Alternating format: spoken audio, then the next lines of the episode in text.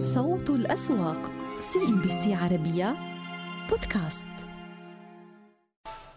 أهلا بكم من جديد. اذا الإغلاقات الشهرية في معظم الأسواق في المنطقة حمراء ولا نستثني من ذلك المؤشر العماني سوق مسقط الذي يبدو متراجعا وقد تخلى عن مستويات الأربعة آلاف منذ جلسات مضت ولا زال على هذا المنوال لكنها إغلاقات طفيفة بأقل من عشر نقطة المئوية عمان للاستشارات والتمويل في مقدمة الناشطين في هذه الجولة باللون الأخضر. بقية الأسهم على الحياد مسقط للتمويل المدينة التكافل آه، كذلك الوطنية لمنتجات الألمنيوم باللون الأخضر وبنك مسقط على الحياد لكن المؤشر بشكل عام متراجع آه، بهذه التراجعات الطفيفة كما ذكرنا قائمة الرابحين آه، لم آه، آه، تشفع للمؤشر في أن يتحول إلى المنطقة الخضراء الوطنية لمعدات منتجات الالومنيوم أعلاف ظفار الغاز الوطنية الشرقية للتحلية. هذه هي وعمان للاستشارات والتمويل هذه هي أبرز الشركات الرابحة في جلسة اليوم. أبرز الخاسرين اليوم العمانية للتعليم عمان الإمارات للاستثمار أيضا العنقاء للطاقة آه، في هذه القائمة اليوم صناعة الكيبلات العمانية والسوادي للطاقة. اليوم قطاع الطاقة آه، متراجع.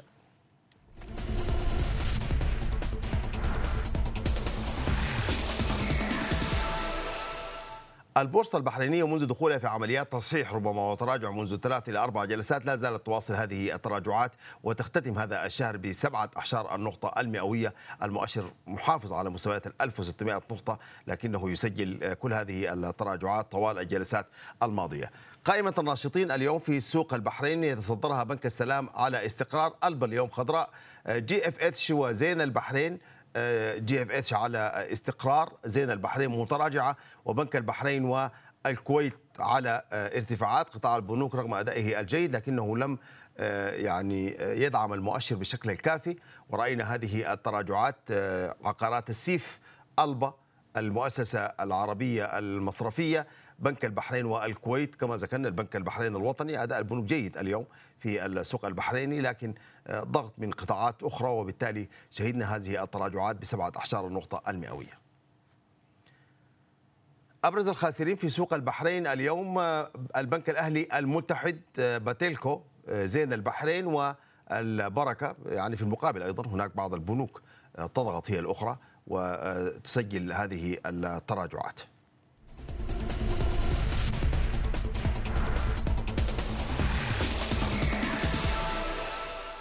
الأسواق الإماراتية في جلسة نهاية الشهر إيجابية رغم التراجعات التي تبدو على سوق أبو ظبي لكنها تراجعات لا تذكر آه، بطبيعة الحال آه، فقط تسجله في المنطقة الحمراء لكن نستطيع أن نقول أن الختام كان محايد آه، بسوق أبو ظبي ولا زال يواصل في تماسكه وأدائه حتى الإيجابي فوق ال 7600 نقطة. يحاول أن يستشرف مستويات ال 7700 نقطة.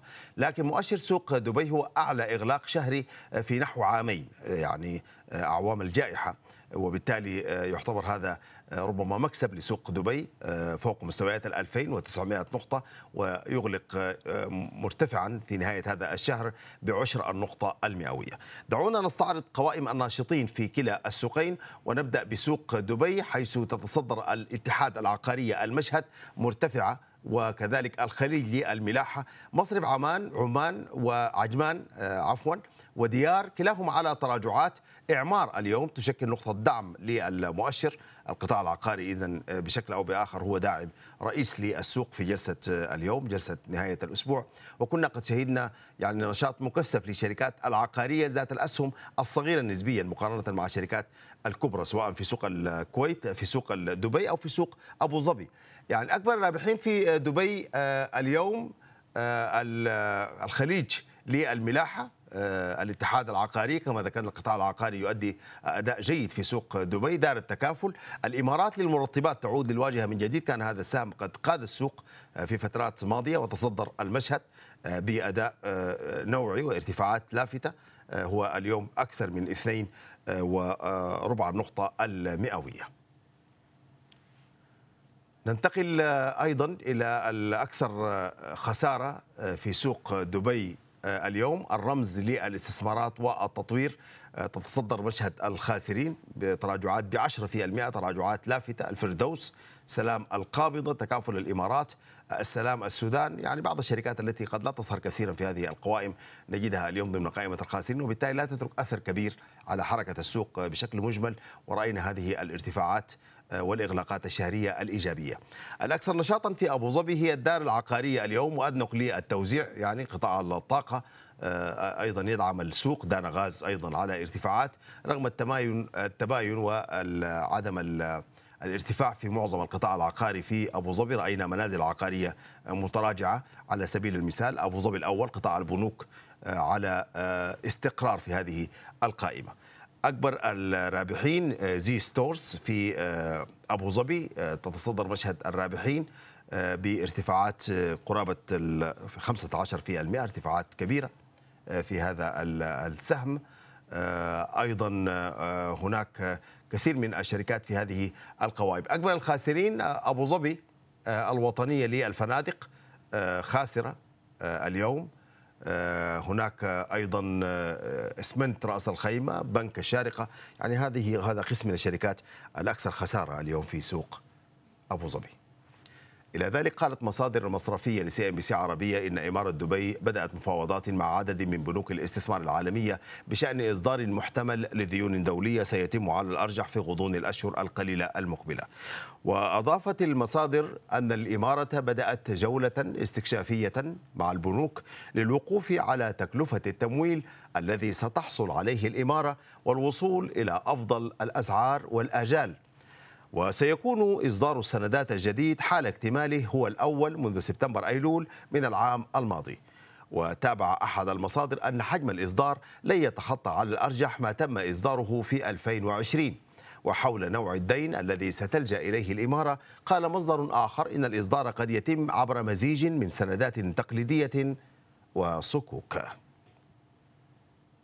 سحبت شركة القابضة ADQ المملوكة لحكومة أبو ظبي عرض دمج شركة أبو ظبي الوطنية للفنادق مع شركة أبو ظبي الوطنية للمعارض أدنيك وذلك بعد أن أبلغت أبو ظبي الوطنية للفنادق بعدم متابعة الصفقة المقترحة وكانت القابضة ADQ قد قدمت عرض الاندماج خلال يونيو الماضي وقالت إنه سيوجد واحدا من أكبر مراكز الضيافة والفعاليات والمطاعم في المنطقة بأصول تبلغ نحو 20 مليار درهم.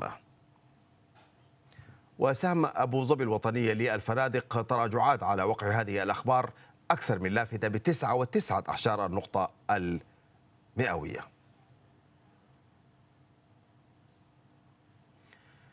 إذا نواصل معكم هذه الجولة حيث أعلن سحبت شركة القابضة ADQ ربما هذا العرض ما أثر على سهم الشركة كما رأينا قبل قليل، إلى ذلك أعلن سوق أبو ظبي للأوراق المالية عن إلغاء الحد الأدنى لرسوم عمولات التداول في جميع الأوراق المالية المدرجة فيه، وذلك لتشجيع المستثمرين الأفراد على المشاركة بشكل أكبر في السوق، ويأتي هذا القرار بعد إعلان السوق مؤخرا عن خفض عمولات التداول بنسبة 50% بالإضافة إلى تمديد ساعات التداول ساعة إضافية واحدة. مع إعلان البنوك الإماراتية عن نتائجها المالية للربع الثاني هل بدأت رحلة تعافي هذه البنوك من تداعيات جائحة كورونا؟ وما هي المعايير المالية التي تظهر ذلك؟ مي بن خضرة معها التفاصيل.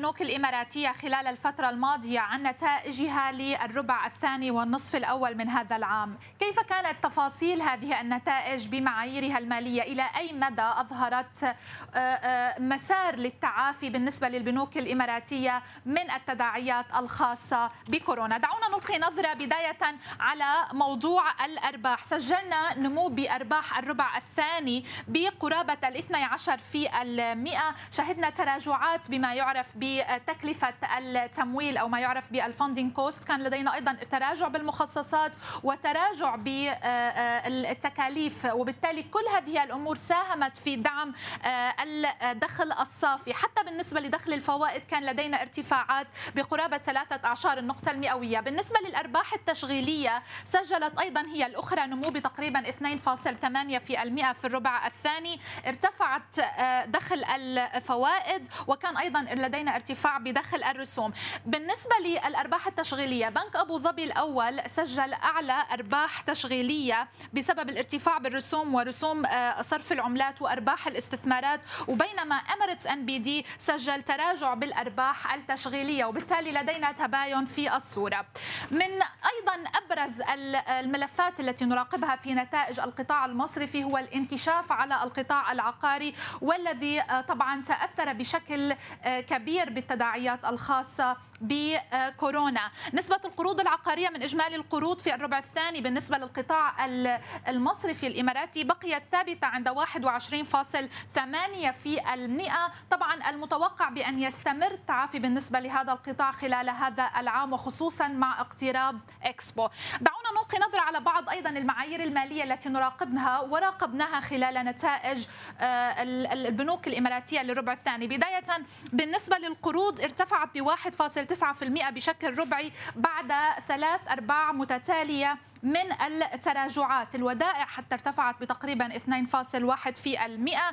هامش الفائدة الصافي شهد ارتفاع آه، ولكنه إلى حد أكبر كان عند مستويات ثابتة بفعل أن الفدرالي الأمريكي كان قد خفض معدلات الفائدة خلال العام 2020 وحتى الآن هي عند مستويات متدنية حتى بالنسبة للقروض للودائع سجلت وتراجعت لمستويات ال 84.4% في المئة لأنه شهدنا ارتفاع بالودائع وال return on equity أو العائد على حقوق الملكية ارتفع مع الارتفاعات التي شهدناها بالأرباح. الأبرز كان هو ملف المخصصات. الإمارات وخصوصا بأن هذا الملف هو الذي ضغط على نتائج المصارف الإماراتية وكذلك العالمية طبعا خلال العام 2020 بداية سجلنا تراجع بالمخصصات بالربع الثاني ب 3.9 في عفوا 9.3 في المئة بشكل آه، ربعي.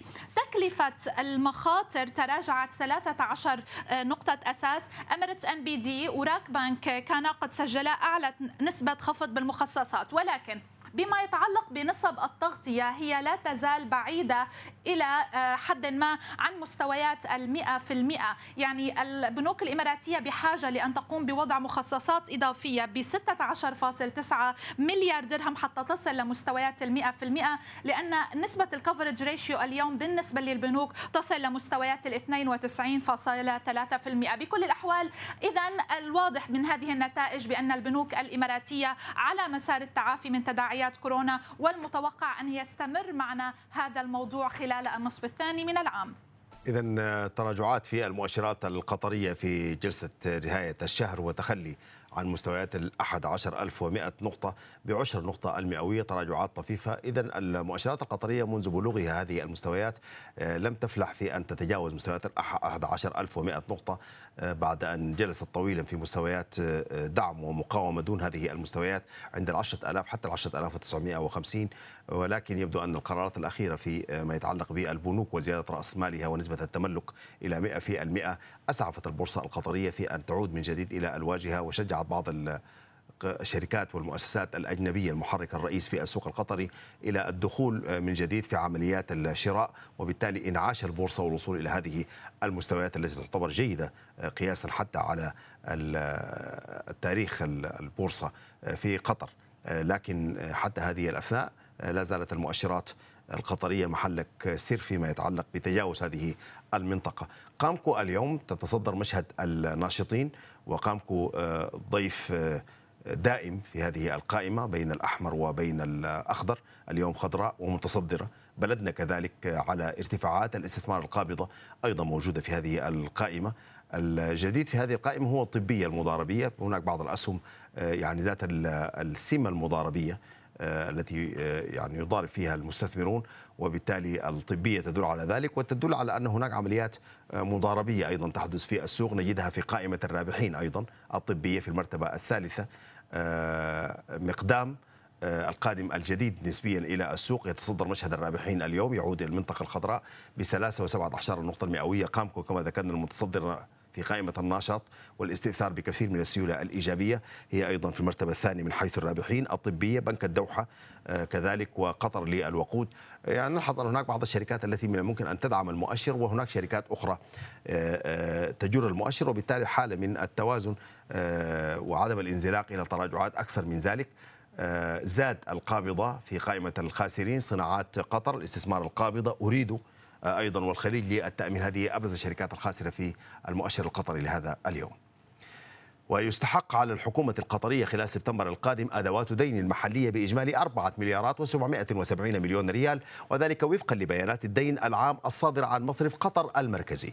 ويتوزع الإصدار على سندات محلية بقيمة 3 مليارات و450 مليون ريال وصكوك بقيمة مليار و330 مليون ريال لآجال استحقاق خمس وثلاث سنوات.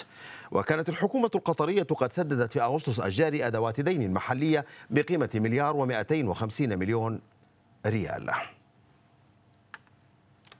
رمزي قاسمي المستشار المالي في شركة وساطة للأوراق المالية معنا الآن للتعليق على هذا الأداء. أهلا وسهلا بك معنا سيد رمزي. ودعنا نقيم الأداء الشهري. طالما نحن نختتم هذا الشهر آه، بهذا التراجع وبلوغ هذه المستويات الجديدة للمؤشرات القطرية آه، وكيف وصلت إلى هذه النقطة؟ مساء الخير أستاذ الطيب وشكرا على الاستضافة. بالحقيقة أنهى المؤشر آه، شهر أغسطس على ارتفاع تقريبا بنحو 3.1% هو تقريبا ثاني أفضل أداء شهري بعد شهر إبريل الماضي. المؤشر تلقى دفع من قرار رفع نسبة تملك الأجانب في الأربع بنوك. آه، وما ننسى إنه الشهر هذا صادف تطبيق مراجعة مورغان ستانلي اللي هي صادفت اليوم. وتخفيض أوزان آه، بعض الشركات القطرية ذات الثقل بالمؤشر. خروج تقريبا 105 آه، مليون ريال. معظمها بتتركز بأسهم قيادية ذات ثقل في المؤشر مثل ال QNB صناعات المصرف الريان والتجاري.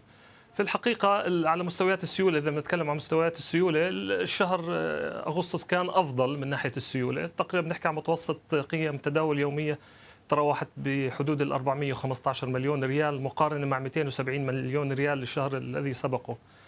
لكن ضمن مستويات السيولة الحالية أتوقع أنه رح نضل نراوح مكاننا يعني بحاجة إلى وقت أطول حتى يتمكن المؤشر من اكتشاف مستويات جديدة.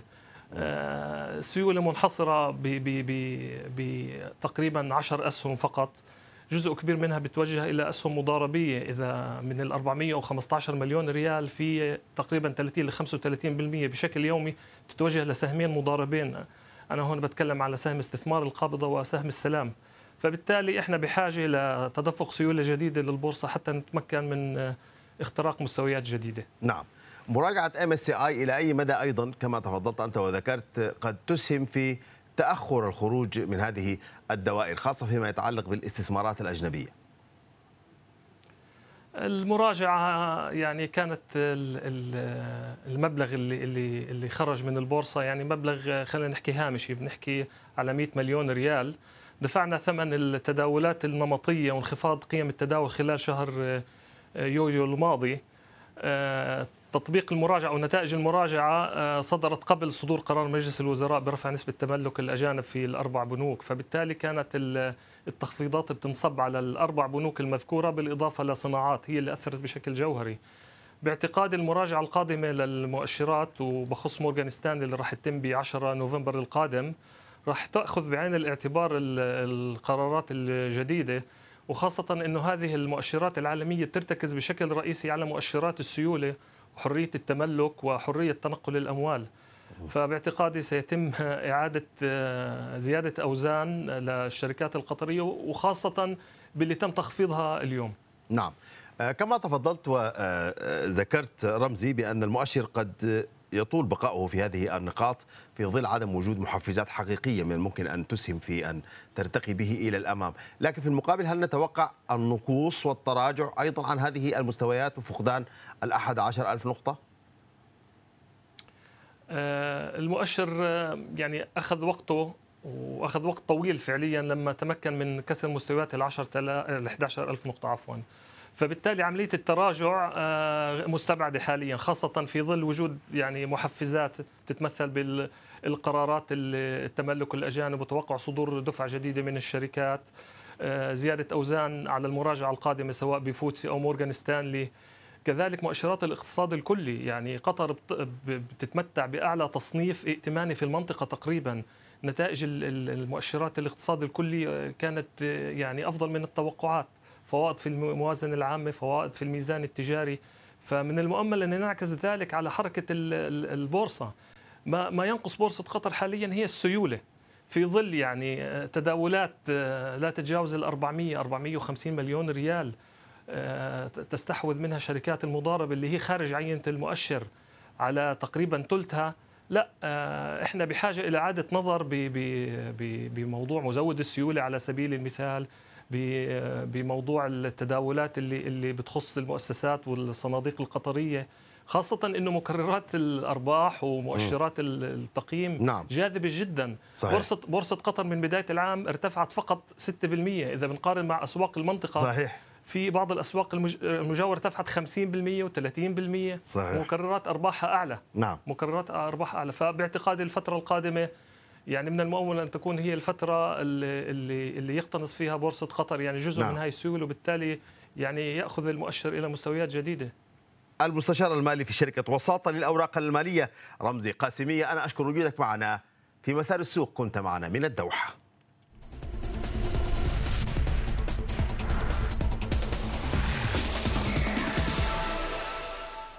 المؤشرات الكويتية اليوم في تراجعات صريحة بعد سلسلة من الارتفاعات لتغلق نهاية هذا الشهر بعد صمود كبير في المناطق الخضراء.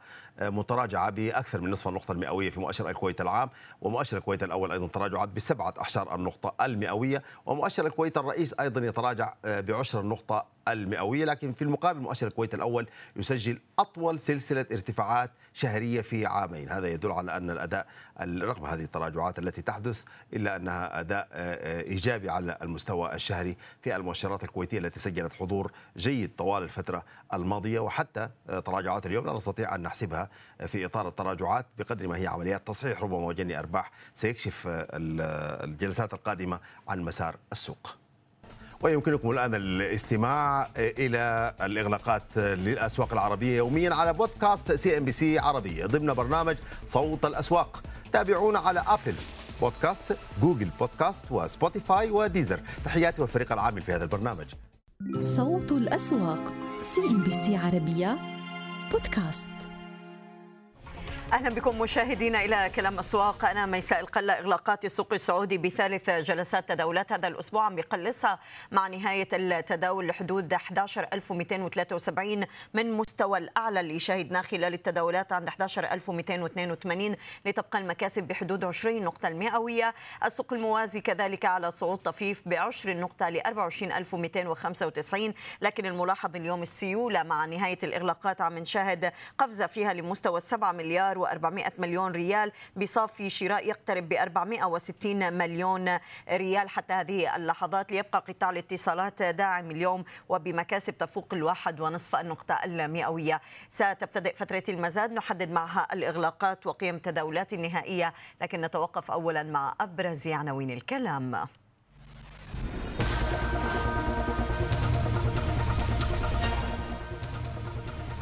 بعد صعوده للشهر الثامن على التوالي التاسي السعودي يسجل أطول موجة مكاسب شهرية منذ مطلع العام في تاريخه على الإطلاق.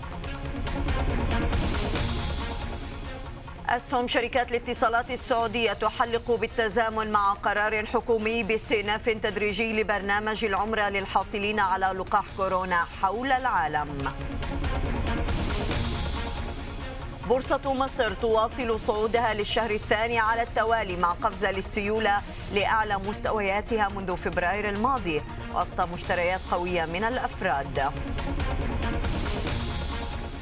وزير البترول والثروة المعدنية المصري يؤكد ل CNBC عربية أن الوزارة تعمل على خمس مشروعات جديدة للتكرير وتكلفة مشروع البحر الأحمر 7 مليار و500 مليون دولار.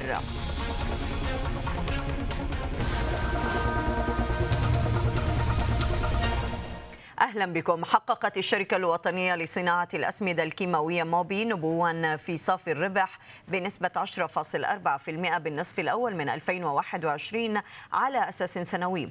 وبلغت أرباح الشركة 12 مليون و200 ألف ريال بالمقارنة مع 11 مليون ريال خلال نفس الفترة من العام الماضي. وصعدت الإيرادات بنسبة 5% إلى 100 مليون و985 ألف ريال مقابل 96 مليون ريال لفترة النصف الأول من عام 2020 أعزت الشركة زيادة الأرباح إلى زيادة المبيعات 5% وانخفاض في خسائر الهبوط في الضمن بقيمة مليون و570 ألف ريال وانخفاض في مصاريف التمويل بقيمة 347 مليون ريال. سهم موبي اليوم على مكاسب فقط ل 2.16 النقطة المئوية. يتداول السهم عن مستوى 117 ريال 20 هللة بفترة المزاد وافقت هيئة السوق المالية السعودية على طلب شركة إيان للاستثمار بزيادة رأس مالها من 737 مليون و300 ألف ريال إلى 806 ملايين و300 ألف ريال عن طريق إصدار 6 مليون و900 ألف سهم عادي لغرض الاستحواذ على 26 فاصل 43% من رأس مال شركة الإحساء للخدمات الطبية. بحسب الهيئة فإن قرار الموافقة يعني أنه قد تم الالتزام بالمتطلبات النظامية للسوق ولوائحه التنفيذية. سهم أيان اليوم على مكاسب اقتربت بواحد في المئة يتداول السهم عن 26 ريال 10 هلالات. وقعت الكيميائية السعودية القابضة مذكرة تفاهم من مع شركة إيلي ليلي السعودية لبدء التصنيع المحلي لمنتجات شركة ليلي من دواء الأنسولين. تهدف هذه الاتفاقية إلى رفع وتعزيز الإنتاج المحلي من دواء الأنسولين وتوسيع نطاق خدمات الشركة ليشمل السوق السعودي والعالمي. سهم الكيميائية اليوم على الصعود يتداول عند 42 ريال 30 هللة بأكثر من 1% تشهد البورصات الخليجية اليوم تنفيذ المراجعة ربع السنوية لمؤشر ال MSCI والتي تم الإعلان عنها في الحادي عشر من أغسطس الحالي. على الرغم من أن المراجعة لم تسفر عن إضافة أو خروج أي سهم من الأسواق الخليجية وبورصة مصر إلا أنه من المحتمل أن تشهد بعض الأسهم ارتفاعا في قيم التداول عند الإغلاق بسبب التغيرات بأوزانها ضمن المؤشر العالمي. استمر نشاط الطروحات بالسوق السعودي بشهر أغسطس وسط أداء إيجابي لجميع الأسهم التي تم طرحها خلال عام 2021 سواء بالسوق الرئيسي أو حتى سوق نمو. نتابع التفاصيل مع رندا خشة. مع بداية التعافي في نهاية العام الماضي في السوق السعودي بعد تداعيات الجائحة. شهدنا التعافي في نشاط التداولات في السوق السعودي سواء في السوق الرئيسي وكذلك السوق الموازي. نهاية العام الماضي وبداية هذا العام هذا ما دعم نشاط الطروحات في السوق المالية السعودية. نقف على تفاصيل هذه الطروحات والتي شهدناها تحديدا نتحدث عن شهر أغسطس من هذا العام والطروحات التي شهدها. نتحدث عن هذا الشهر التنمية الغذائية تنمية تم طرح هذا السهم أو هذه الشركة بالنسبة للقطاع في الخاصة بالإنتاج الأغذية. نتحدث عن رأس مال مدفوع آه، يقرب من 200 مليون ريال كذلك عدد الأسهم المصدرة 20 مليون سهم. والحصة الطرح وصلت إلى 30 في المئة. إن تحدثنا عن آخر الطروحات وأداء هذا السهم في السوق السعودي. وصلت حتى جلسة إغلاق الثلاثين من أغسطس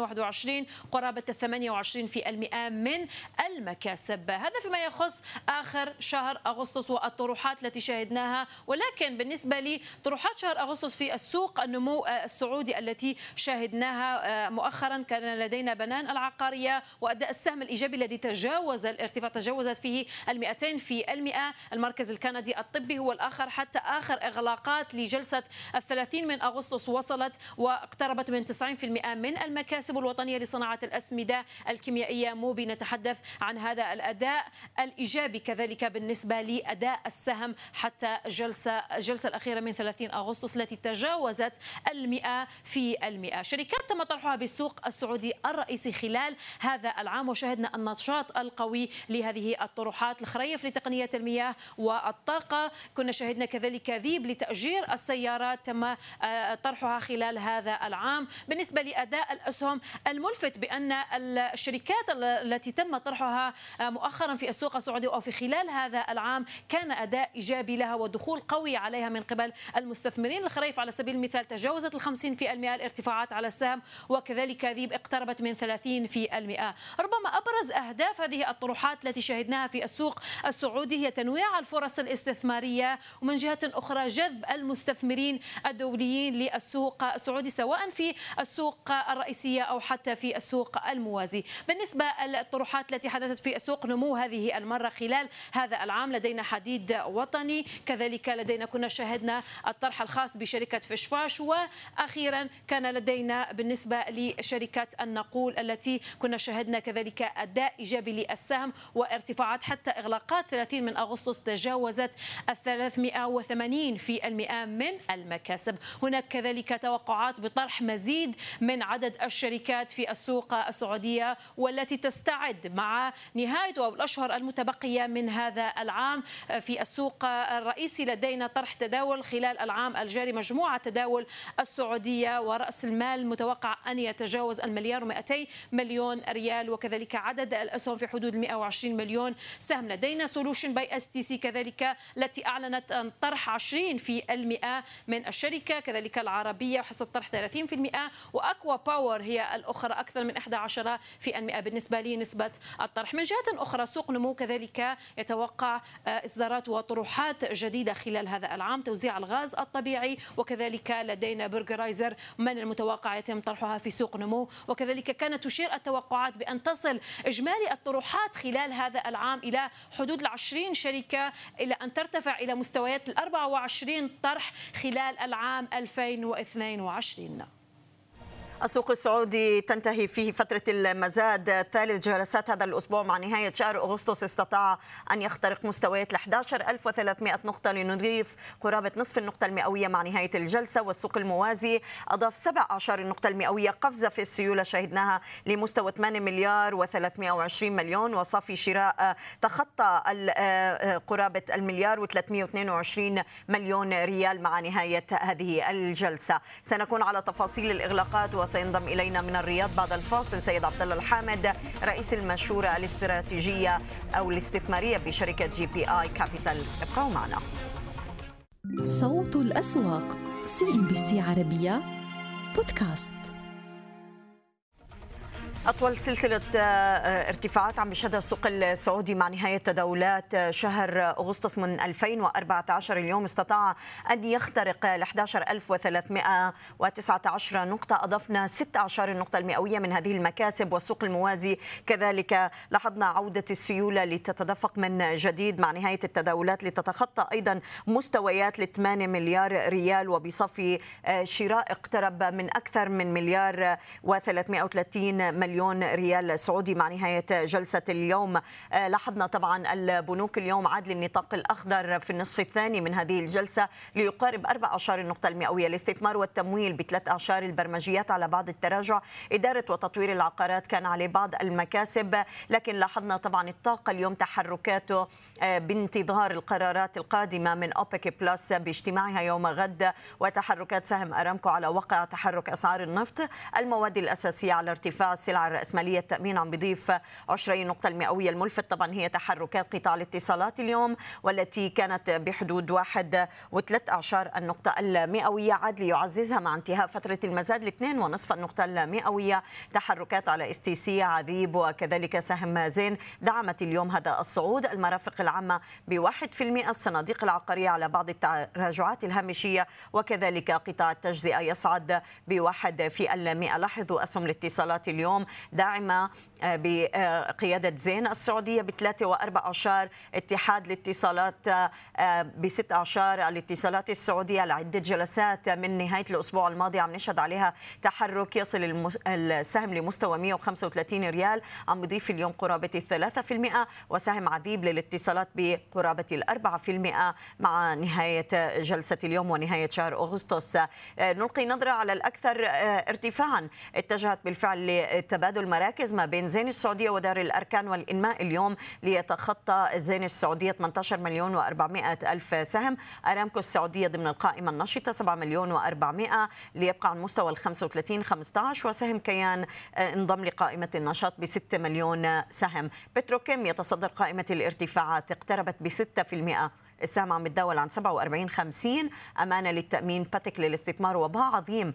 4% اليوم عم يخترق ال 137 ريال وعذيب للاتصالات 31 75 هلله مع نهاية هذه الجلسة. بقيت بعض الأسهم وتعرضت للضغوطات العقارية بالصدارة. 2% تبوك الزراعية خسر 1.5 النقطة. الجوف الزراعية مقارنة بجلسة يوم أمس كنا شهدنا أسهم الزراعة عليها بعض التحركات الإيجابية وإعادة تمركز. المركز الكندي النادي الطبي والخزف يخسر 1.16 النقطة المئوية. سابق اليوم داعم لحركة السوق مع صعود 18 النقطة عن 123 ريال. الراجحي كذلك استعاد 121 ريال بعد جني الأرباح اللي حدث. والبنك الأهلي التجاري على صعود إلى جانب جبل عمر. يتداول قريب من مستوى 33 ريال ويضيف قرابة نصف النقطة المئوية. عموما شهدت أيضا عقود التمويل العقاري السكني الجديدة للأفراد في السعودية خلال العام الجاري نموا وسجلت قرابة 171700 157 عقدا بقيمة 87 مليار و700 مليون ريال فيما بلغت عقود التمويل العقاري السكني الجديدة للأفراد خلال شهر يوليو الماضي قرابة 18703 آلاف عقد بقيمة 8 مليار و600 مليون ريال. وذلك بحسب النشرة الشهرية الصادرة عن ساما سجلت عقود التمويل العقاري السكني الجديدة من شهر يناير حتى شهر يوليو من العام ذاته نموا سنويا تجاوز 8% ونحو 20% بالتمويل مقارنة بنفس الأشهر من العام الماضي 2020 والذي سجل 158495 عقد بقيمة تجاوزت 73 مليار و200 مليون ريال. وحققت عقود التمويل السكني الجديدة نموا خلال شهر يوليو 2021 تجاوزت الخمسة في المئة بالمقارنة مع شهر يونيو الماضي والذي سجل 17752 عقد. فيما ارتفع التمويل المقدم من كافة المصارف وشركات التمويل العقاري على أساس شهري بنحو 12% مقارنة بشهر يونيو والذي سجل 7 مليار و700 مليون ريال. للحديث أكثر حول إغلاقات السوق السعودي ينضم إلينا من الرياض سيد عبد الله الحامد رئيس المشورة الاستثمارية لدى شركة GIB Capital. أهلا بك معنا أستاذ عبد الله وشكرا على وجودك. نهاية شهر أغسطس وثالث جلسات هذا الأسبوع شهدنا هذه القفزة. تخطى فيها المؤشر 11300 يعني إلى أي مدى اليوم؟ والسيولة طبعا هي الملفتة اليوم اللي شفناها تتخطى 8 مليار من جديد. إلى أي مدى مرتبطة هذه السيولة اليوم بهذه المراجعة النصفية بالنسبة لل MSCI. مرحبا فيكم سيد المشاهدين. الحقيقة ما في شك أنه هذا عامل مهم وأساسي ولكن العوامل الأساسية المؤثرة الحقيقة في تداولات السوق الفترة الجاية هي ما نراه من يعني استقرار لأسعار البترول وكذلك عملية التنفيذ الذي يتم الحقيقة بشكل جيد يعني سريع للمشاريع الحكومية الرئيسية والمؤثر الحقيقة من مشاريع القطاع الخاص كذلك. أعتقد هذه كلها عوامل أساسية وساعدت أساسيات السوق الحقيقة ليخترق يعني مستويات إن شاء الله جديدة بإذن الله. نعم. وإحنا عم نتحدث أيضا عن يعني اجتماع أوبك يوم غد أستاذ عبد الله. قد متوقعين إنه يكون في تحرك صوب أي سياسة تغييرية ممكن نشهدها مقارنة بالاجتماع السابق؟ والسوق بما إنه الأسعار ما زالت محافظة على مستويات ما فوق ال 70 دولار إلى أي مدى عمل الارتباط بشهر سبتمبر قد يبقى ما بين أسعار النفط والسوق؟ أعتقد بشكل مجمل السوق وأسعار البترول اليوم تعكس لا تغيير في السياسة على الأقل الاجتماع يوم غد. وبالتالي أعتقد الأمور سوف تظل مستتبة للفترة الشهر القادم بإذن الله، أعتقد هذا يعني لا يزال وضع صحي الاسعار الحالية جدا للاقتصادات المنتجة وأيضا وضع صحي كذلك للمستهلكين للنفط. وأعتقد أوبك وأوبك بلس يعني دائما يأخذون بالحسبان ليس فقط مصالحهم فقط ولكن مصالح أيضا المنتجين والمستهلكين، أعتقد سوق البترول في الوضع الحالي لا يزال يعني متماسك وشفنا الحقيقة النزول اللي صار الأسبوع الماضي إلا أنه تعافى ورجع سريعا فوق ال 70 دولار بشكل سريع الحقيقة. نعم، هل في تخوف على قطاع البتروكيماويات وأسعار الأسهم هاي الفترة أستاذ عبد الله بحكم يعني هذه المراجعة اللي ممكن نشوفها من أوبك بلس أو حتى من الضغط اللي عم نشوفه على أسعار النفط نتيجة للأعاصير بالولايات المتحدة؟ أعتقد ما, بالعكس يعني لحد الآن من الربع الثالث إلى نهاية الأسبوع الفات أسعار المنتجات البتروكيماويه عالميا هي مستقرة بشكل كبير عند مستويات متوسطات الربع الثاني الحقيقة وبالتالي هذا يعطينا إنه أغلب الشركات سوف تعلن أرباح مقاربة بحد كبير إلى أرباح إلى إعلانات أرباحها للربع الثاني من 2021 نعم. بالمقابل اليوم شايفين حركة جيدة يعني على بعض الأسهم الاتصالات. يمكن هي استكمال لحركة سابقة شهدناها من نهاية الأسبوع الماضي. اليوم STC بالواجهة عذيب يعني والاتصالات السعودية. صحيح. هل في عوامل مرتبطة معينة عم تدعم التحركات وبناء المراكز على قطاع الاتصالات؟ يعني بشكل عام هذا قطاع مهم ومؤثر استراتيجيا وشفنا يمكن قبل كم يوم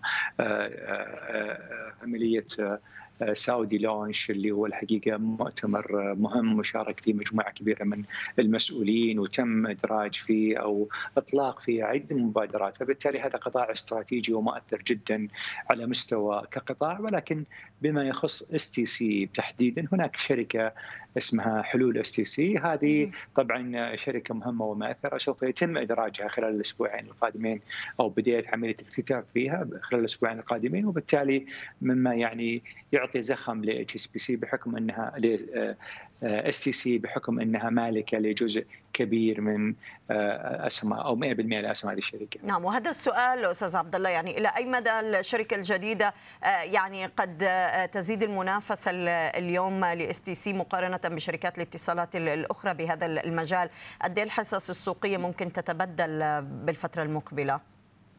طبعا الشركة اللي سوف يتم إدراجها اللي اسمها STC Solutions أو حلول STC هي شركة لا تعني بالاتصالات تحديدا مباشرة بشكل ولكن هي تقوم على الخدمات المساعدة للاتصالات. فعندها مثلا الحوسبة الحوسبة السحابية عندها مثلا حلول منظومات تكامل الأعمال عندها كذلك حلول ل الأنظمة الأمنية والحماية لأنظمة الأعمال وأيضا خطط أعمال أخرى الحقيقة ولكن هذه يمكن أهم ثلاث يعني نماذج أعمال عندها اليوم في في شركة. فهي لا تنافس بقية الشركات المدرجة بالسوق ولكن عندها قطاع مهم ومؤثر وأساسي وخدمي وممكن لقطاع الاتصالات يعني ف ما في شك طرح الشركة للسوق سوف يعود على مساهمين وحملة أسهم STC بعائد جيد لأنه اليوم عندك أنت استثمار صغير أدرجته بالسوق أصبح له قيمة سوقية عالية وبالتالي سوف ينعكس على قيمة سهم STC. نعم. طيب أخيرا يعني وإحنا شايفين النشرة المتعلقة بالتمويل العقاري أستاذ عبد الله يعني اللي صادره من ساما واضح إنه في نمو بحجم عقود التمويل العقاري اللي قدمتها البنوك خلال هذه الفترة. قد ممكن تستمر؟ وكيف راح ممكن نشوف أثرها على القطاع البنكي للفترة المقبلة بموسم إعلان نتائج الربع الثالث؟ أعتقد التوسع بالإقراض العقاري هو جزء من رؤية 2030 وأعتقد تمكين المواطنين من تملك مساكنهم والوصول إلى النسبة المستهدفه في رؤية 2030 اللي هي تقريبا 70% من نسبة تملك المواطنين لمساكنهم. هذا هدف أساسي وواضح جدا وتعمل عليه منظومات الحكومة بشكل كامل الحقيقة. وأعتقد إنه سوف يظل هذا يعني موجود والدعم المقر من الحكومة ومن الجهات الممولة طويله يعني موجود ولا في أي تغيير على الحقيقة. يمكن ما يلفت الانتباه هو ما أعلنته مؤسسة النقد منذ يومين عن يعني ال ال ارتفاع الإقراض للقطاع الخاص لآخر 12 شهر بشكل متواصل. وهذا حقيقه يعني مؤثر بحكم إنه يعطينا انديكيشن أو يعطينا ملمس للاقتصاد إنه الوضع يتحسن بشكل جدا كبير مع انتشار اللقاح ومع بعد عودة القطاعات المؤثرة مثل قطاع الترفيه مثل قطاع السياحة إلى جزء من طبيعتها الحقيقة. هذه كلها عوامل طيبة وإيجابية ما في شك. سيد عبد الله حامد رئيس المشورة بشركة اذا GIB Capital للاستشارات الاستثمارية. شكرا جزيلا لك كنت معنا من الرياض. شكرا لك. شكرا لك. شكرا جزيلا. سنتابع تحركات وإغلاقات المؤشرات المصرية التي تعود لعمليات جني الأرباح مع نهاية جلسة اليوم ونهاية شهر أغسطس. يتراجع فيها المؤشر الرئيسي بقرابة 19 نقطة ويخسر مستويات ل 11200 نقطة. سنكون على متابعة لهذه الإغلاقات بعد الفاصل. صوت الأسواق CNBC عربية بودكاست. إغلاقات شهر أغسطس في نهاية تداولاته اليوم تباينت المؤشرات المصرية وجنت الأرباح القياديات عند مستوى ل 11143 نقطة مع نهاية الجلسة. خسرنا قرابة عشري النقطة المئوية والسفنتي أيضا عمق من خسائره اللي اقتربت ب 1% 2943 وكذلك ال 100 بحدود الواحد في المئة. من جلسة يوم أمس بدأنا نشهد بعض الأسهم المضاربية اللي بدأت تجني الأرباح بعد وصولها لمستويات قياسية لكن حتى القياديات اليوم بمتابعة للبنك التجاري الدولي خسر 2% مع نهاية الجلسة ليتخلى عن مستويات ال 47 جنيه عم نتداول عن 46 21 المصرية للاتصالات عند 14 70 بثلاث أعشار النقطة المئوية وكذلك إعمار مصر خسر أكثر من 2 و3 أعشار. عامري جروب عند 91 قرش تراجعات فقط ل 2% والنساجون الشرقيون بحدود 7 أعشار النقطة المئوية في هذه الأثناء حافظ طلعت مصطفى طبعا رغم التراجعات وتمسك بمكاسبه اللي اقتربت وأربع أعشار النقطة المئوية ليتداول عن 37 سودك عن 17 80 بواحد وأربع أعشار وهرمز تراجع في المئة ليضغط على المؤشر الشرقية للدخان على ارتفاعات اقتربت ب 8 أعشار النقطة المئوية. أسهم طبعا القائمة الحمراء بالقياديات جميعها تقريبا على تراجع لكن شهدنا بالسفنتي أيضا عمليات جني الأرباح اللي طالت أغلب الأسهم اليوم. أبو قير للأسمدة ب 20 نقطة أجواء تراجع ب 2 وربع نقطة. عامري جروب والإسكندرية لتداول الحاويات ليبقى العربية لإدارة الأصول بحدود نصف النقطة من هذه الخسائر بست أعشار النقطة المئوية. لاحظنا اذا هذا التراجع مع نهاية شهر أغسطس لكن على مستوى الشهر ككل كان ال EGX 30 مسجل ثاني أفضل إغلاق شهري تقريبا بعام 2021 اذا هذه الإغلاقات كنا أضفنا بشهر أغسطس قرابة 333 نقطة بالنسبة لل EGX 30 خلال شهر أغسطس أما 70 كان على صعود اقترب من 4 و8 اعشار النقطة المئوية.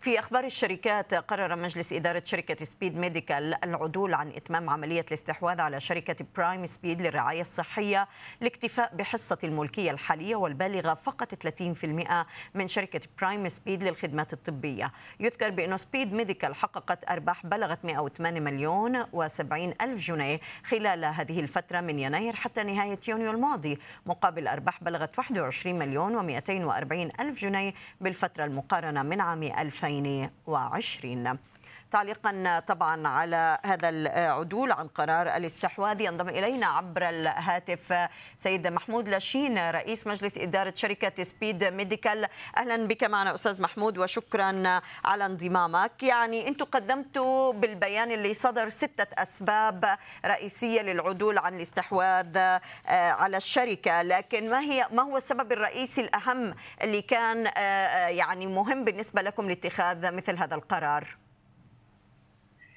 إزاي الصح يا فندم؟ الأول هو طبعا العدول عن القرار. إحنا إحنا الأول مضينا الاتفاق الإطاري يوم 17 16 فبراير اللي فات. فمن 16 فبراير اللي فات لحد النهارده كان في بعض الحاجات اللي, اللي كنا المفروض إن إحنا نشوف نشوفها في شركة برايم سبيد قبل ما ناخد قرار الاستحواذ. منها ما بعد الكورونا. حضرتك عارفه شركة برايم سبيد هي mainly بتعمل ال drive-through testing بتاع الكورونا على في مستوى مصر وده ال source of income الوحيد بتاعها النهارده. المشاريع ما بعد الكورونا هي دي اللي كنا واخدين بيها وعود واخدين بيها خطط لم تتحقق على أرض الواقع. زائد برضو ال dilution العالي اللي هيحصل للمساهمين في حدود 25% ده برضو dilution يعتبر عالي جدا. يعني اللي معاه 10% ينزل ل 7.5% تقريبا. فزائد طبعا إن ارباحنا الحمد لله زادت خلال النص الأولاني من السنة. فحصلت عندنا فائض سيولة كويس. فده كل طبعا الأسباب دي مجتمعة خلتنا إن إحنا نعدل عن الاستحواذ ده هو نعم. يعني. بس لأنه هيتم عن طريق تبادل الأسهم وبالتالي عدد الأسهم بتاعت المساهمين هتقل يعني. نعم. لكن ألم تظهر هذه الأسباب عند دراسة الجدوى للاستحواذ أستاذ محمود؟ يعني يعني أكيد عند دراسة جدوى الاستحواذ أكيد كانت مبينه معكم المشاريع بالنسبة للشركة وأيضا مستقبلها. طبعا ده حصل فعلا لكن حصل بقى إيه؟ يعني مثلا نزول أسعار ال PCR حوالي 35% من فبراير لحد النهارده. ده ما كانش محطوط في الحسبان. زي ما قلنا كان في بعض ال plans إن إحنا نفتح مشاريع زي إدارة مستشفيات على مستوى الجمهورية وزي مثلا الفلاتر بتاعة تنقية الهواء من الكورونا. برضو مبيعاته جت مخيبة للآمال جدا برضو خلال الست شهور اللي فاتوا.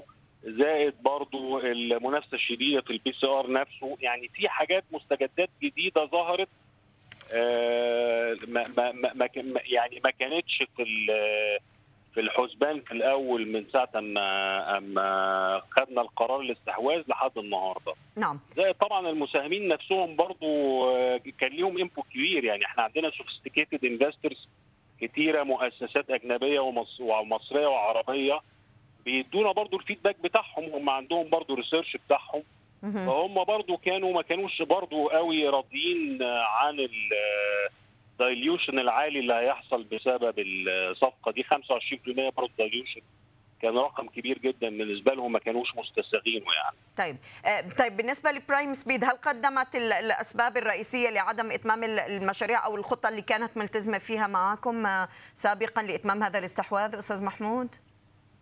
آه للأسف يعني لا هو طبعا زي ما بقول لحضرتك يعني هو هو ال ال ال الواقع على الأرض إن ما فيش حاجة اتحققت من الحاجات اللي إحنا كنا حاطينها في الخطة مع بعض من حيث مشاريع ما بعد الكورونا يعني. وده طبعا سبب إن ال إن ال إن ال يعني إن, إن أنا هبقى بشتري شركة مجرد عمرها 20 شهر أو حاجة اللي هي عمر الكورونا نفسه. نعم.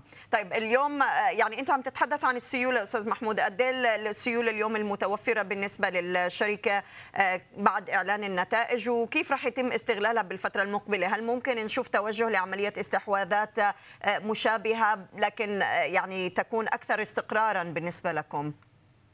بالضبط كده. هو هو السيولة في الشركة كانت فوق ال 150 مليون جنيه.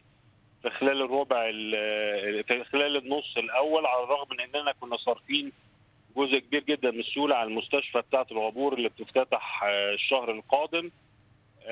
زائد طبعا السيوله برضو هتلاقيها بتزيد برضو الربع ده لأن الأرباح الحمد لله أكتر من من المتوقع.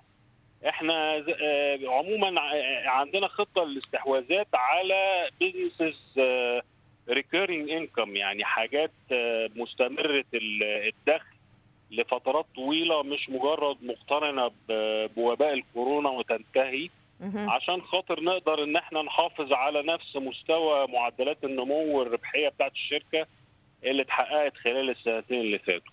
نعم. فالتوجه دلوقتي هيبقى الاستحواذات فعلا اللي ليها علاقة بال بالعمليات المستمرة التي ليس لها علاقة بالوباء يعني انتهائه من عدمه يعني. حتكون محلية ولا خارجية أستاذ محمود؟ هل عم تدرسوا أي استحواذات في الخارج؟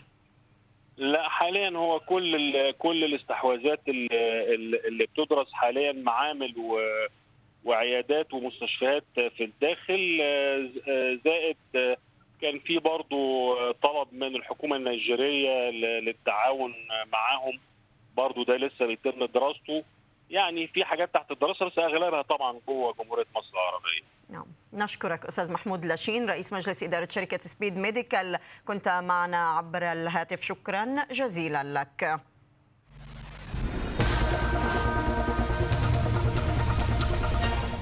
حققت أوراسكوم المالية القابضة خلال الفترة المالية من تأسيس الشركة إلى الثلاثين من يونيو 2021 أرباح بلغت 36 مليون و660 ألف جنيه.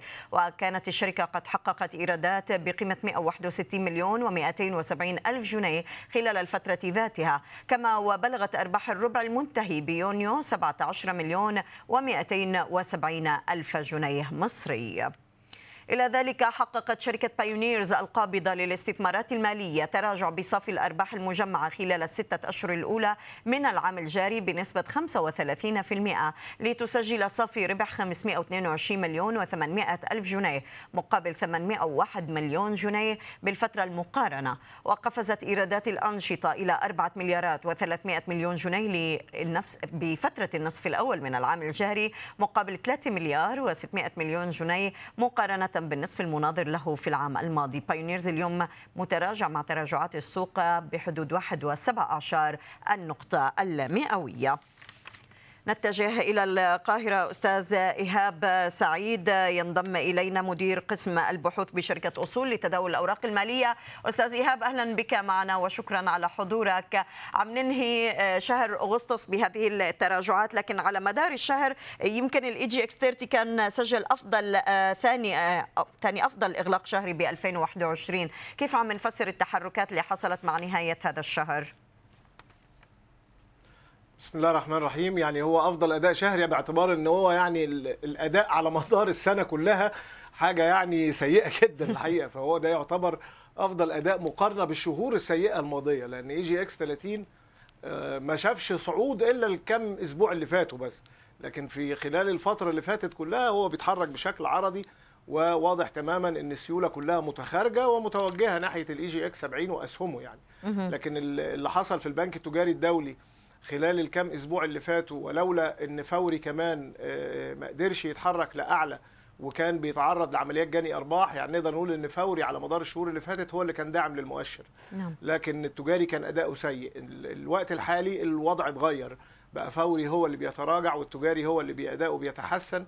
فعلشان كده المؤشر إلى حد ما كان أداؤه أعلى باعتبار طبعا إن التجاري وزن النسبي أعلى وأكبر بكتير وهو صاحب الوزن النسبي الأعلى. فبالتالي ده اللي دعم من أداء المؤشر شوية وشفناه بيتخطى ال 10800 10900 مستوى المقاومة وبعد كده تخطى مستوى ال 11100 نقطة وبيتوجه الآن لمنطقة ال 11300 11400 بدعم زي ما قلنا برضو في البداية من البنك التجاري الدولي وممكن معاه كمان المجموعة المالية هيرمس لأن لما بدأت تقترب من ال 12 جنيه و30 قرش ودي دي مستوى مقاومة يعني متوقع إنه ممكن يقدر يتخطاه خلال الجلسات المقبلة وبالتالي ده قد يدعم من أداء EGX 30 شوية. مؤشر ال 70 الحقيقة معظم الناس في الوقت الحالي منتظرة انفجار الفقاعة. يعني الجميع شايف إن في فقاعة بتحصل في الأسهم الصغيرة والمتوسطة. لما نلاقي سهم دون تسمية يعني بيصل إلى قيمة سوقية بتقترب من قيمة سوقية لأكبر الشركات العقارية في مصر وأكبر مخزون عقاري أو مخزون أراضي في مصر في مقارنة بيعية ما بين الاثنين واحدة بتبيع ب 2 مليار وواحده بتبيع ب 100 مليون يبقى ده في حاجة غلط يعني. فده أمر طبيعي تماما إن هناك فقاعة. لكن فكرة إمتى تنفجر؟ عفوا أو إمتى يحصل ال ال ال ال الهبوط الحاد الجميع منتظره ده؟ نعم. دي مساله يعني في علم الغيب. حتى الآن لم تظهر لها إشارات السوق ما زال أداؤه إيجابي وطول ما مؤشرات السيولة إيجابية طول ما السيولة هتضخ في السوق طول ما الأسهم دي هتستمر في الصعود ففكرة إن أنا أتوقع إن هتنفجر الفقاعة لمجرد إن الأسهم طلعت ده يعني أنا شايفه أمر مش منطقي يعني. لكن في جميع الأحوال الأسعار اللي بتطلع فيها هذه الأسهم بتذكرنا بما حدث في 2008 وما حدث بعد 2008 فبالتالي على المستثمر إنه يتحوط. لكن ما أقدرش أقول له إن الفقاعة دي هتفرقع بكرة أو بعده أو بعد بعده لأنه حتى الآن مؤشرات السيولة ما زالت عالية. الفوليومز بتوصل ل 2 مليار و2 مليار ونص مع الصعود نعم. ومع الانخفاض بتنخفض زي ما شفنا النهارده. هو الحقيقة صاير في يعني فريقين على ما يبدو الآن يعني مع على ما يحدث بموضوع ال70 وأسهمه. أستاذ إيهاب البعض عم بيقول هو فقاعة البعض عم بيسمي عم بيعدل من قصة الفقاعة ويقول هو تعديل قيمة لما يحدث بالأسهم وبالتالي لن نرى هذه الفقاعة الكبيرة اللي ممكن تحدث؟ لا طبعا دي يعني ما إحنا كده تعديل قيمة إيه؟ يعني أنا بقول لحضرتك في شركة وصلت إلى إنها تبقى زي طلعت مصطفى من الآخر يعني. فهل ده كلام؟ يعني ما ينفعش. فما ينفعش أقول تعديل قيمة. وإذا قلت تعديل قيمة مش هيبقى في المجمل. نعم. هيبقى في بعض الأسهم.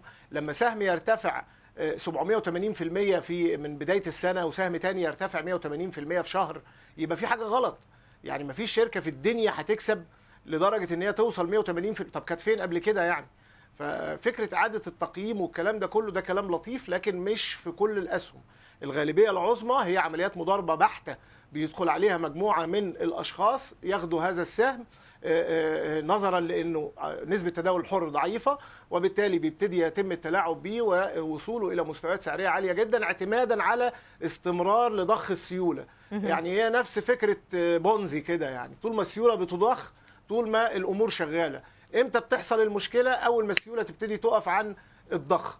ده هيحصل إمتى؟ لا أنا ولا أي حد من الفريقين يقدر يتوقع ده أو يقدر يشوفه. آه، آه، لأن زي ما قلت طول ما مؤشرات السيوله آه، النظر الآن ما بيبقاش بس على مؤشرات العزم وال momentum وال indicators. لا بص مع مؤشرات ال volume بص مؤشرات السيوله أول ما مؤشرات السيوله دي هيبتدي يحصل فيها losing momentum أو يبتدي يحصل فيها تباطؤ يبقى دي معناها اقتراب انفجار الفقاعة. فيما عدا هذا كله استباق للأحداث مش منطقي. بنشوف السوق بيتراجع شوية ثم بيرجع يعوض الخسائر اللي بينزلها. وخليني دايما أقول إن لما الناس كلها بتتوقع إن السوق لازم ينزل أو الفقاعه تنفجر ده ما بيحصلش. في الغالب الأعم يعني. نعم. بالمقابل آه، أستاذ إيهاب يعني اليوم وإحنا عم ننهي شهر أغسطس يعني آه، من العوامل اللي رح تحكم تحركات السوق بشهر سبتمبر ال- ال- القادم برأيك؟ في عوامل معينة ممكن يبدأ يتبعها المستثمر؟ هي السيولة فقط. لأنه ما فيش أخبار ممكن تحرك السوق آه، فيما يتعلق بالسياسات المالية أو السياسات النقدية مش متوقع مثلا البنك المركزي يخفض أسعار الفايدة في الفترة اللي جاية ومش متوقع برضه إنه يرفع وبالتالي آه، مفيش أخبار اقتصادية معينة تقدر تدفع السوق على صعود. اللهم إذا كانت الحكومة بقى يعني آه، ارتأت إن هي تعلن عن برنامج لطرح شركة أو ما شابه يعني لكن غير كده ما أعتقدش إن هيبقى في محرك آه، آه، من خارج السوق للسوق. لكن اللي هيبقى كلمة السر هو قدرة السيولة أو قدرة السوق على جذب مزيد من السيولة للمحافظة على الاتجاه اللي بيح... اللي إحنا بنتحرك فيه ده. لأنه يوم ما هتتوقف هذه المستويات عن الضخ أو الفلوس عن إنها تدخل السوق يوم ما هتحصل النقطة اللي الجميع مستنيها وأتصور إنها هتبقى أصعب كمان من 2008 أنا مش عايز أكون متشائم أو متفائل أو أقول للناس إن لأ السوق لسه مازال مكمل. لكن أنا بقول له خد حذرك طبعا. لكن لما هيحصل ال- الهبوط الأمر هيختلف تماما عن 2008 نعم. لأن في 2008 كان 50% في الأسهم القيادية من مستويات السيولة و50% في المضاربات.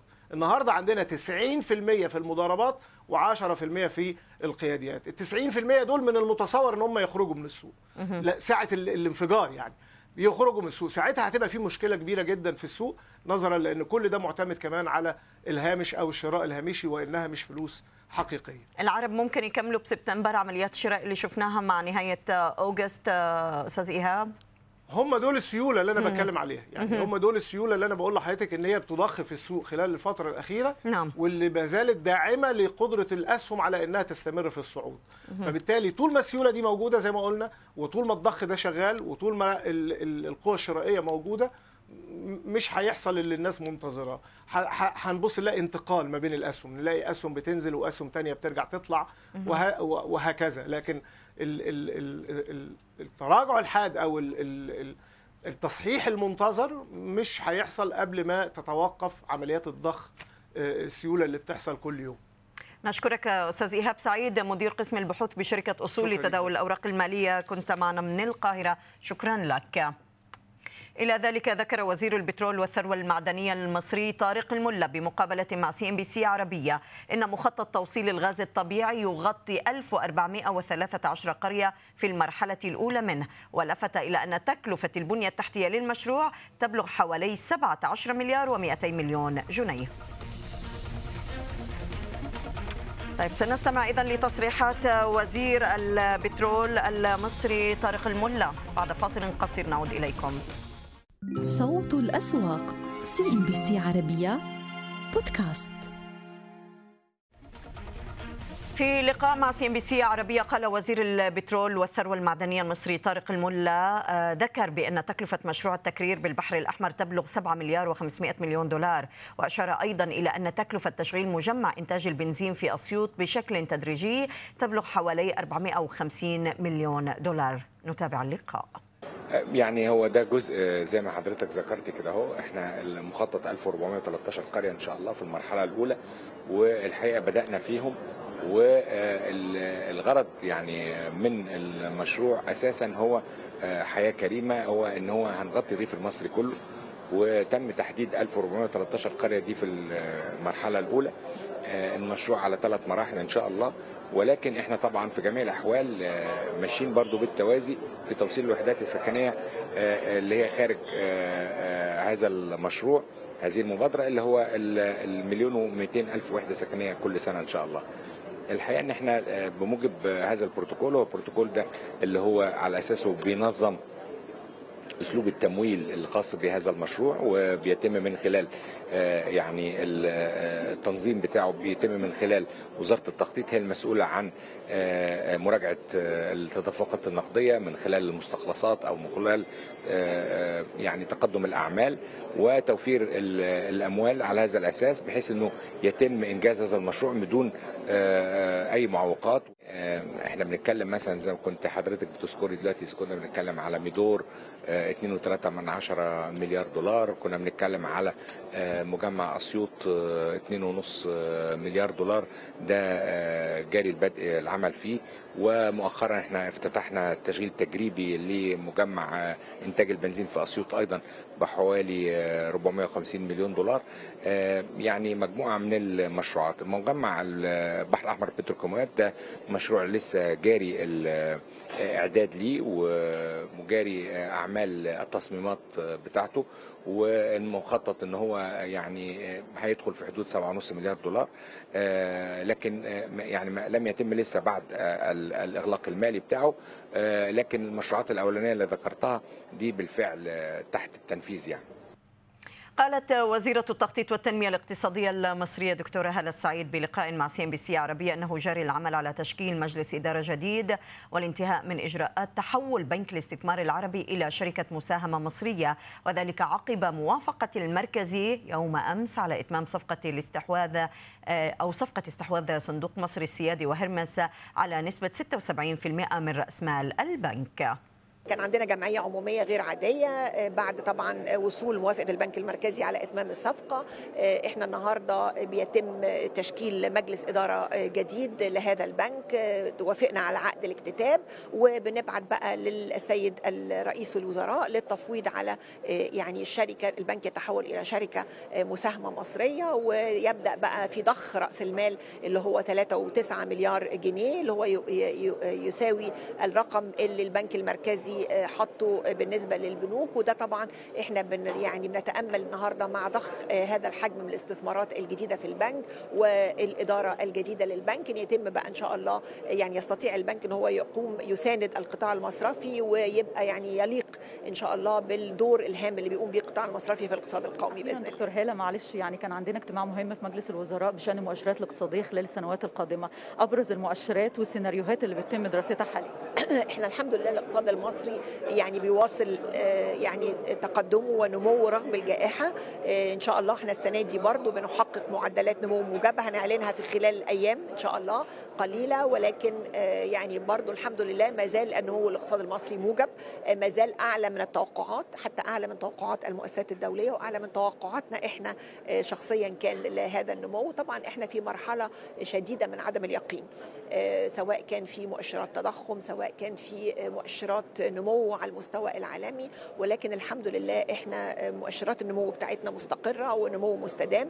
مهم أهم شيء أيضا إنه هذا النمو بينعكس على الاقتصاد الحقيقي. يعني إيه؟ يعني أنا النمو ده بيجي مع مؤشرات بطالة منخفضة جاي مع مؤشرات تضخم ومستوى أسعار مستقر. فده كله بيبين إن هناك اقتصاد حقيقي وفي اقتصاد يعني يقع على واقف على أرض صلبة زي ما بيقولوا قايم على فاندمنتالز وعلى أساسيات قوية الحمد لله.